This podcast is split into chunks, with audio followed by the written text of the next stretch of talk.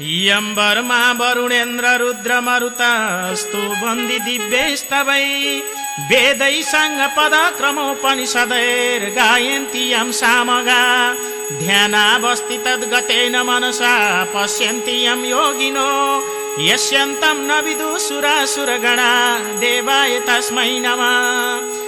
श्रीमच्चन्दन चर्चित जलबपु शुक्लम्बरा मालिका मालालं कृतकुण्डला प्रविलसन् मुक्तावली शोभिता सर्वज्ञान निदान पुस्तक धरा रुद्राक्षी माला धरा वाग्देवी वदनं भुजे बसतु मे त्रैलोक्य माता चिरम् मुकं करोति वाचालं पङ्गुलङ्घयते गिरिम्। यत्कृपातमहं वन्दे परमानन्दमाधवम्। नमो भगवती तस्मै व्यवसायेमित तेजसे यस्य प्रसादादक्षमि नारायण कथामिमम्। नारायणं नमस्कृत्यं नरं चैव नरोत्तमं देवी सरस्वती व्यासं ततो जयमुदीरयेत् अब श्री स्वस्तानी व्रत कथाको सप्तम अध्याय शुभारम्भ हुन्छ। कुमारजी आज्ञा गर्नुहुन्छ हे अगस्त्य मुनि सती देवीले यज्ञ कुण्डमा फाल हाली प्राण त्यागेको देखेर देवताहरू यक्ष किन्नर दैत्य दानव गन्धर्व नाग अप्सरा आदि त्यहाँ रहेका सबैले के यस्तो अनर्थ भयो भने आश्चर्य र डर मानिरहेका थिए। त्यस बेला अकस्मात धुलो उडी दस दिशा ढाकिदिँदा अन्धकार भयो वायु पनि विपरीत भएर बहन लाग्यो जल नभएको मेघ पनि डरलाग्दो गरेर गर्जन लाग्यो। सबै देवताका आँखामा धुलो भरिएर नदेख्ने भूमिमा घोप्टो परे। कसैलाई हावाले उडाइलग्यो लाग्यो कति रुन कराउन लागे कति आफ्नो बचाउ गर्न लागे कति भागे कति स्वास्नी छोराछोरीको समार गर्नतिर लागे। यसरी महा उत्पन्न भयो। दक्ष प्रजापतिले मनमा विचार गरेर सबै निम्तामा आएकाहरूलाई डराउनु पर्दैन भनेर अनेक प्रकारले साहस दिए। चित्त आकुल भएकाले आफ्ना गुरु बृहस्पतिजीका पास गएर भने हे गुरु अब कसो गरौँ? अनर्थ भयो हाहाकार पर्यो। त्यसै बेला नारद ऋषि सतीदेवीले प्राण छाडेका बेलादेखि देवताहरूमा हाहाकार भएसम्मको सकल समाचार लिएर कैलाश पर्वतमा पुगी महादेवका चरणमा दण्डवत गरेर बिन्ती गरे हे ईश्वर तपाईँकी प्राण प्यारी सतीदेवीले प्राण त्याग गरिन्? किनभने हे शशिशेखर हे वृषभदोज हे करुणामय हे पिनाक पाणी पापिष्ट दक्ष प्रजापतिले हजुरको नाना तरहले निन्दा गरी अनेक तरहका हेलाले भरिएको त्यो कहाँको देवता हो? त्यो त बौला हो। त्यसलाई मेरो यज्ञमा नडाकी मलाई के होला? ब्रह्मा विष्णु र मेरा ज्वाइँहरू छँदैछन् भनेर निन्दा गरेको सुनेर सतीदेवीले सहन नसकी लात्ताले पृथ्वीमा हानेर कसैको मुख नहेरी क्रोधले आगो जस्तै मुख पारेर यज्ञको प्रदक्षिणा गरेर हजुरको नाम लिँदै यज्ञ कुण्डमा हाम फालेर प्राण त्याग गरिन्। हे ईश्वर हजुरका भयले अग्निले शरीर डढाउन सकेका छैनन्। प्राण मात्र त्याग गरेर शयन गरे झै यज्ञ कुण्डमा सुतिरहेकी छिन्। यो कुरा बिन्ती गर्न भनेर आएको हुँ। अब कसो गरौँ? अनर्थ भयो। यस्तो नारदजीको कुरा सुनेर महादेव भन्नुहुन्छ हे नारद यो कुरा साँचो हो कि होइन? यस्तो सुनेर नारद भन्दछन् हे शिव जगतका मालिकको अगाडि मिथ्या अथवा झुटो वचन कसरी गरौँला? ध्यान दृष्टिले हेर्नु भए अवश्य विश्वास पर्ला। यस्तो नारदको कुरा सुनेपछि क्रोध गरेर तिनै आँखाबाट आगोको ज्वाला निकालेर दारा किर्दै रिसले दुवै हात मुठी पारेर नारदको अगाडि भन्नुभयो हे नारद तेत्तिस कोटी देवताले रक्षा गरिराखेको त्यस पापिष्ट दुष्ट दक्षको निर्मूल गरेर छाड्नेछु। अब तिमी आफ्नो आश्रममा जाऊ। तब नारद ऋषि महादेवलाई दण्डवत गरेर आफ्नो लोकतर्फ लागे नारद गएपछि महादेवले आफ्नी प्यारी सतीदेवीलाई सम्झी अत्यन्त क्रोध गरी तिनै आँखाबाट आगाको ज्वाला निकाली आफ्नो जटाबाट उसको एउटा जटा झिकेर पृथ्वीमा पछारे। त्यसबाट पृथ्वी कम्पायनमान गर्दै सिंहनाद गरे झै गरेर गर्जँदै हजार सूर्यको जस्तो तेज भएको दाहिने हातमा त्रिशुल लिएको। मुण्डमाला लगाएको यस्तो डरलाग्दो मूर्ति भएको वीरभद्र उभिएर बिन्ती गरे हे ईश्वर किन मलाई सम्झनु भयो फेरि अर्को जटा त्यसै गरी पछारेर त्यसबाट प्रलय कालको मेघ गर्जे झैँ ठुलो। स्वर गरी चौसठी योगिनी भूत प्रेत पिसाचहरू सबै आफ्ना गण लिएर काली उत्पन्न भइन्। ती कस्ती थिइन् भने लामा दारा निस्किएकी आकाश जस्तो पेट भएकी आँखाबाट आगो निकाल्ने केस फिजाएकी बाघको छाला कम्मरमा बाँधेकी कहिले रातो लामो जिब्रो बाहिर निकाल्ने कहिले हाँस्ने डरलाग्दी महाकालीले महादेवसित हात जोडेर भनिन् हे ईश्वर किन के कामले सम्झना गर्नुभएको हो? यस्ता कुरा सुनेर महादेव भन्नुहुन्छ हे वीरभद्र हे महाबली पापिष्ट दक्ष प्रजापतिको यज्ञ विध्वंस गरेर तेत्तिस कोटी देवताले रक्षा गरिरहेको दक्षको पनि संहार गरी आओ। यसै कामको निम्ति तिमीहरूको आराधना गरेको हो। अब नन्दी भृङ्गी चौसठी योगिनी विषम जोर समेत भएर दक्षको यज्ञ चाँडै नाश गर्न जाओ। महादेवको आज्ञा शिरोधार्य गरी वीरभद्र महाकाली सबै गण लिएर सिंहनाथ गर्दै पृथ्वीलाई कम्पाउँदै यमराज आए झै गरी क्रोधले पूर्ण भएर कैलाशदेखि तल झरे। यिनीहरूको चालामाला देखेर पृथ्वीलाई थाम्न साह्रै गाह्रो भयो। भुइँचालो आयो सातै समुद्र उर्लिएर यावत जीव जन्तु सबै त्राही त्राही भए। यता दक्ष प्रजापतिका यज्ञमा पनि अनेक तरहको उत्पाद हुन लाग्यो। आकाशमा गिद्ध र काग मण्डलाकार गरेर कराई घुम्न लागे स्यालले दुवै आँखा र मुखबाट आगाको ज्वाला निकालेर कराउँदै हिँड्न लागे। फेरि रगतको वृष्टि भयो। यज्ञमा आएकाहरू हाकार गर्न लागे यावत जीवात्मा त्राही त्राही भए। यस उत्पादले यज्ञमा ग्रहेका मध्ये कोही भाग्न थाले कोही बेचेतिए स्वास्नी मानिस केटाकेटी बुढाबुढीहरू भने भाग्न नसक्दा भूमिमा लडेर गोप्टो परि रुन कराउन लागे। कोही अब अझै के के उत्पन्न हुने हो उत्पाद हुने हो भनी त्राही त्राही गए भइरहेका बखत वीरभद्र महाकाली शिवगण समेत मेघ गर्जे झै गर्जँदै यज्ञ भूमिमा पुगेर यज्ञ विध्वंस गर्न थाले। त्यहाँ रहेका देवता यक्ष दैत्य नाग गन्धर्व किन्नर दक्षका छोरीहरू देवकन्या नागकन्या गन्धर्व कन्या ब्राह्मण बालक अप्सराहरू त्राई त्राई भगवान नारायण भनी ठुलो स्वरले रुँदै कराउँदै दस दिशामा भागे। कोही भाग्न नसकी लडेर टाउकोले टेकेर माटो खान थाले। कसैको हात कसैको खुट्टा मर्कियो भाँचियो कति मूर्छा भई लडे।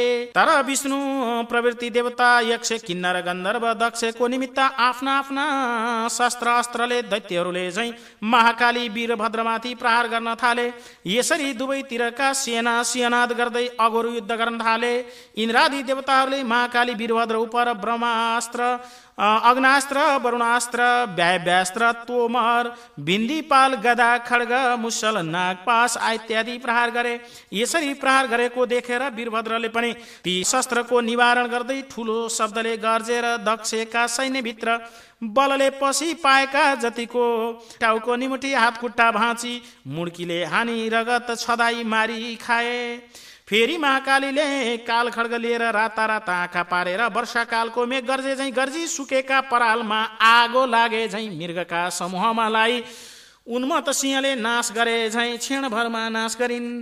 फेरि वीरभद्रले शत्रुहरूको वर्षाले क्रुद्ध भएर नन्दी वृङ्गी चौसठी योगिनी भूत प्रेत समेत भएर देवगणमा कसैको टाउको कसैको हात पाउ छुट्याई मासु खान लागे रगत पिएर कोही नाच्ने कोही हाँस्न लागे शिवगण दक्षका सेनालाई मार्दै थिए। विषम जोरले पनि दक्ष प्रजापतिका सेनाका शरीरमा पसी अचेष्ट पारे। तब वैकुण्ठनाथ विष्णु भगवानले दक्ष प्रजापतिका सम्पूर्ण सेना अचेत भएर लडेको देखेर आफ्ना शरीरबाट शीतज्वरो उत्पत्ति गरी सबैलाई चेष्टा होसमा गराए।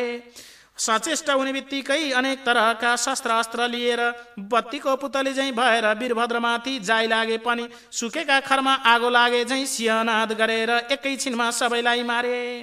दक्ष प्रजापतिका सेनामा कसैको शिर छैन कसैको गिड छैन कसैको हात छैन कसैको पाउ छैन। कतिको कम्मर करङ भाँचिएको र लडेका छन् कति थिल थिलो परेका छन्। यस्तो देखेर दक्षका सेना रक्षा गर भनी कराउन थाले। कोही भाग्न थाले कसैले कुलेलम ठोके भाग्न नसक्ने जति पृथ्वीमा लडी कराइरहे। यसरी सैन्य विध्वंस गर्दै जति पाएका देवता एक सय गन्धर्व नागहरू समाति काटी यज्ञमा होमेर नाश गर्न लागेका वीरभद्रलाई हेरी विष्णुले राता राता आँखा गरेर नागले लामो श्वास फेरे झैँ गरी सुस्केर हाली अग्निको बल्दो ज्वाला झैँ भएर देब्रे हातले पञ्चजन्य शङ्ख बजाई दाहिने हातले कौमोदकी गदा उठाई संहार कालमा रुद्र जाई लागे झैँ वीरभद्रका सेनामा जाइ लागे। यस्तो देखेर देवता यक्ष गन्धर्व किन्नर नाग सबै दक्ष प्रजापतिका सेनाले धन्य धन्य विष्णु तिम्रो जयोस् भन्दै शस्त्रास्त्र लिएर लड्न थाले। यस्तो देखेर महाकाली क्रोधले अग्निको ज्वाला जस्तै ज्वाला मुखबाट निकालेर चतुर्खष्टी योगिनी भूतप्रेत प्रथम गण भएर खड्गले काट्ने मुड्कीले हानेर मार्ने र निमुठेर यज्ञमा होम्ने गरेर दक्ष प्रजापतिको सेनालाई जसरी ठुलो वायुले बादललाई हल्लाई टुक्रा टुक्रा गरेर निस्तेज गर्छ त्यसै गरी नाश गरे तब विष्णुले निर्धक्कसित यो गदा वीरभद्रका छातीमा हाने। त्यसका चोटले वीरभद्र तत्काल भूमिमा लडी मूर्छा परे। फेरि विष्णुले भूत प्रेत पिसाच नन्दी भृङ्गीहरूलाई शङ्खको शब्द गर्दै गदा प्रहार गरे। त्यसले गर्दा शिवगण पनि निकै मूर्छा परे। कोही भाग्न लागे यस्तो अवस्था देखेर दक्ष प्रजापतिको सेना देव दानव दक्ष यक्ष किन्नर नागहरूले धन्य धन्य विष्णु भनी स्तुति गरेर पुष्पवृष्टि पनि गरे। विष्णुले बलपूर्वक पाँचजन्य शङ्ख बजाएको। दक्ष सेनाले धन्य धन्य विष्णु भनी जय जयकार गरेको शब्द मूर्छा भइरहेका महावीर वीरभद्रका कानमा पर्यो र मूर्छाबाट बिउजी उठी हेर्दा आफ्ना सेना कोही मूर्छा परेका कोही भागिसकेका कोही भाग्न तयार भएका यस्तो अवस्थामा देखेर क्रोधले पूर्ण भएर काल सामान त्रिशुल उठाएर नारायण विष्णुलाई हेरेर बेगले छातीमा ताकि त्रिशुल प्रहार गरे। त्यो त्रिशुल विष्णुका छातीमा लाग्यो। त्यसको वेदना सहन नसकी द्वारबाट रगत बगाई रणभूमिमा लडी विष्णु मर्छा भए। वीरभद्रले विष्णु मूर्छा परेदेखि पर्लयका मेघ गर्जे झै गर्जेर दक्षका सेनामाथि जाइ लागेर कोटी कोटी सैन्यको नाश गरे। वीरभद्र गर्जेको स्वर खप्न नसकी दक्ष प्रजापतिको सैन्य त्राई त्राई भएर कराई भाग्न लागे। कति भागे पनि मूर्छा भइरहेका शिवगणका कानमा वीरभद्रको गर्जन पर्न गएर हत्तपत्त उठेर हेर्दा वीरभद्रले विष्णुलाई मूर्छा पारी दक्ष सैनी देवताहरूको नाश गर्न लागेको देखे। धन्य धन्य वीरभद्र भन्दै ठुलो गर्जन गरेर दक्ष प्रजापतिको सेनामाथि जाय लागे। यस्ता तरले घोर संग्राम भयो। हे अगस्त्य मुनि वीरभद्र महाकालीले देवताहरूको टुप्पी समाई खड्गले काटेर मारे कसैलाई मुड्कीले चोट्ने मारे कसैलाई परक्क निउठेर मारे कसैको कोखा कोखामा पाल पारेर मुख लगाई रगत पिउन लागे कसैलाई यज्ञमा होमिदिए यसरी कोटी कोटी देवता यक्ष नागहरूलाई चौसठी योगी नै भूत प्रेत भएर मारी खाए दक्ष सेना नाश भएको देखेर महाकाली वीरभद्रका सेनाले जय जय वीरभद्र भने अट्टहास गरी कराएको शब्द मूर्छा भइरहेका श्री विष्णुको कानमा पर्यो र मूर्छाबाट बिउजेर उठेर हेर्छन् त वीरभद्र महाकालीले दक्ष प्रजापतिको सेना नाश गरेको र यज्ञ विध्वंस गर्न लागेको देखे तब विष्णु अति क्रुद्ध भए हे पापिष्ट वीरभद्र आज तेरो नाश गरेर दक्ष प्रजापतिको यज्ञ पुरा गर्नेछु। अनि सम्पूर्ण देवता दैत्य गन्धर्व नाग किन्नरहरूलाई सन्तोष होला। आज एउटा त के एकादश रुद्र तेरो सास सहाय भएर आए पनि तेरो रक्षा गर्न सक्ने छैनन्। सम्पूर्ण दुष्टको नाश गर्ने यो चक्र देखिस भनेर कृषाए यसरी भनेर सुदर्शन चक्र देखाए। विष्णुले भनेका पुरुष बाणी हेला गरेर भनेका शब्द सुनेर वीरभद्र रिसाएर विष्णुलाई भन्दछन् हे पापिष्ट विष्णु सम्पूर्ण दुष्टको नाश गर्ने भनेर चक्र देखाइस यो चक्र मेरा उपार प्रहार गर। मुखले भन्ने मात्र होइन त्यसको पराक्रम पनि देखिहाल। वीरभद्रको यस्तो कठोर वचन सुनेर विष्णुले पनि क्रोध पूर्वक यो सुरदन चक्र महावीर वीरभद्रमाथि प्रहार गरे। त्यो सुदर्शन चक्र पनि कोटी सूर्यको तेज जस्तो भएर प्रलय कालको मेघ गर्जे जस्तो गर्जेर कालो रुद्र जाँदा झै गयो।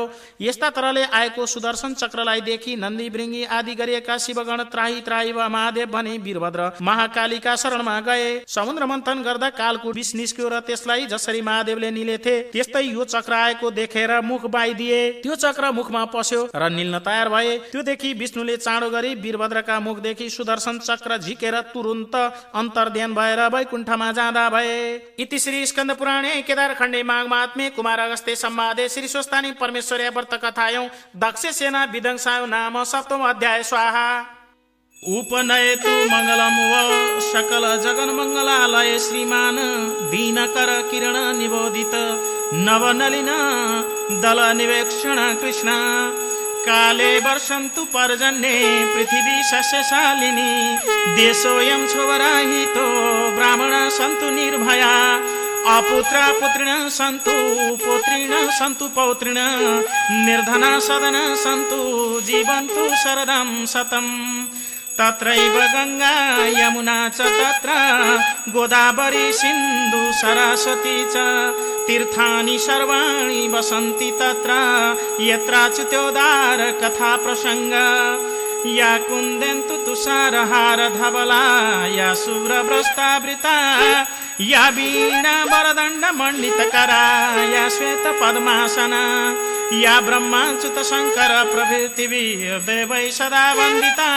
सामां पातु सरस्वती भगवती निशेष